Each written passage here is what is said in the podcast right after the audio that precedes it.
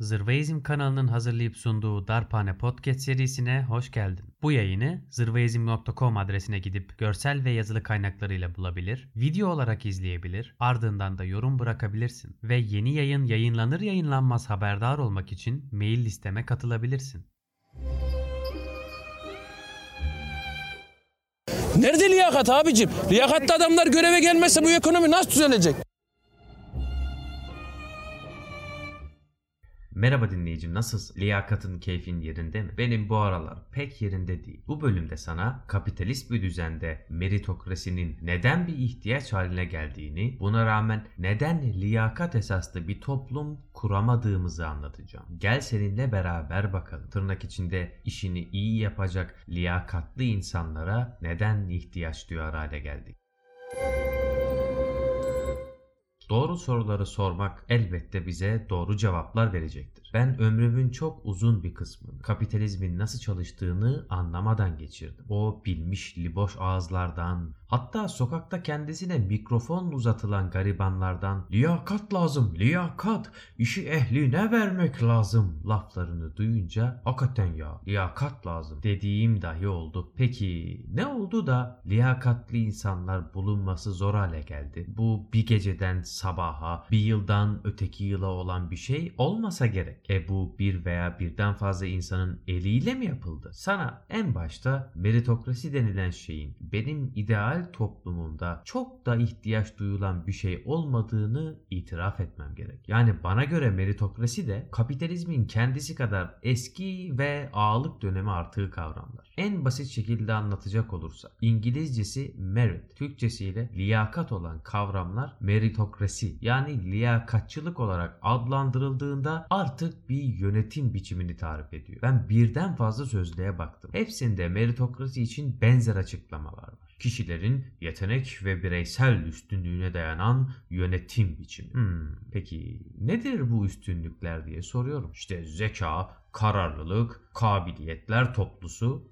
gibi yanıtlar veriyorlar. Tabii yersen. Peki soru şu. Kimin bu meziyetlere sahip olduğuna nasıl ve kim karar verecek diye soruyorum. İşte bunun tam bir cevabı yok. Genelde sınavlar, testler vesaire denilip geçiliyor. Ancak bizler fırsat eşitliğinin bulunduğu, çocukların anne karnından başlayarak iyi ve eşit imkanlarla yetiştirildiği bir toplumda yaşamıyoruz. Ki bir de bunun üstüne içinde bulunduğumuz bu sermaye düzeninde eğer aptal değilsen bu meziyetler toplusunun tamamını maddi imkanlarla satın alabiliyorsun. Hadi milleti uyutmaya çalışan liboşları geçtim. Ya gariban doğmuş bir halk böyle bir şeyi nasıl ister? Kendi kötülüğü için nasıl dua eder? Liyakatçılık nüfusun pek de fazla olmadığı, insanın az bulunduğu eski feodal toplumlarda bir dönem işe yaramış olabilir. Ya şu an kaşif aramıyorsan, astronot aramıyorsan neredeyse her işi yapacak sayıda insan var. Üstelik çok da ihtiyaç duyduğumuz temel iş kollarında buna bürokrasi de dahil. Üstelik kim liyakat sahibidir? Daha bunun tespitini şeffaf bir şekilde yapamazken tırnak içinde bizi yönetenlerden liyakatlı olmalarını istiyoruz. Bir toplum olarak veya toplumun bir kesimi olarak taleplerimiz samimi mi yoksa derdimiz bizi, bizden olanı neden başa getirmedin derdimi. Bana daha çok bu son söylediğim gibiymiş gibi geliyor. Yine de bir zamanlar olduğu gibi eğer hala dinleyicilerim arasında liyakatçılığın, meritokrasinin hala işe yarayacağına inananlar varsa unutmasınlar ki otel sahibini turizm bakanı yapmanın, özel okul sahibini eğitim bakanı yapmanın, bize meritokrasi satan liberallerin istekleriyle çelişir herhangi bir yanı yok. Meritokrasinin kişi ve toplumun ekonomik düzeyini kalkındıracağı yalanına inananlar varsa ben en iyisi rakamlarla örnek vermeye başlayayım.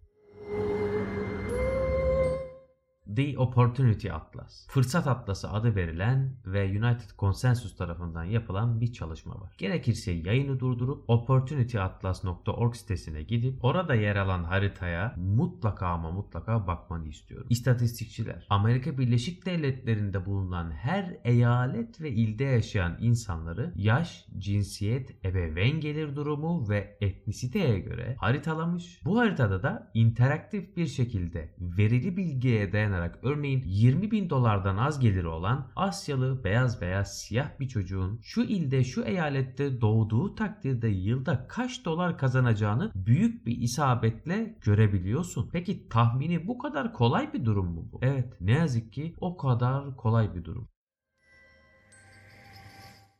Tekrar söylüyorum lütfen internet sitesine gir ve bu haritaya bak. Kapitalizmin sözde çok iyi işlediği Amerika Birleşik Devletleri'ndeki manzara seni dehşete düşürecek. Çünkü kıymetli dinleyicim az önce bahsettiğim gibi artık fakirlerin kendilerinden sonraki nesle miras bırakacağı borç ve sefaletin boyutu zenginlerin sonraki nesillerine bıraktığı servetin boyutunu aştı. Öyle sanıldığı gibi sadece servet denilen şey değil sefalet de miras kalabiliyor bırakılabiliyor ve bu çok ağır bir miras. Bu düzende sermaye düzeninde fırsat eşitliği ortadan kalktığı için doğduğun aile, doğduğun mahalle ve gittiğin okul senin sondaki 10 yıllarda çok büyük oranda liyakatına bakılmaksızın tekrar söylüyorum liyakatına bakılmaksızın ne kalitede bir hayat yaşayacağını belirler hale gelmiş. Ee, sen ben tabii bir istisna olduğumuzu hayal ederek yaşayabiliriz. Halbuki kimsenin geçim kaygısı gütmediği, makamların alınıp satılmadığı, borcumu nasıl ödeyeceğim, okul taksidini, dershane parasını, servis ücretini, yemekhane masrafını, özel ders parasını nasıl ödeyeceğim stresinin olmadığı, kaliteli ve bilimsel bir eğitimi bütün yurttaşların kolayca alabildiği bir düzende yaşıyor olsaydık bu fanilerden liyakat dilenmiyor olurduk. İnsanın insanın insafına bıraktığımız bir düzende yaşamıyor olurduk. Üstelik başka bir dünya ve hep birlikte kurtuluş mümkünken.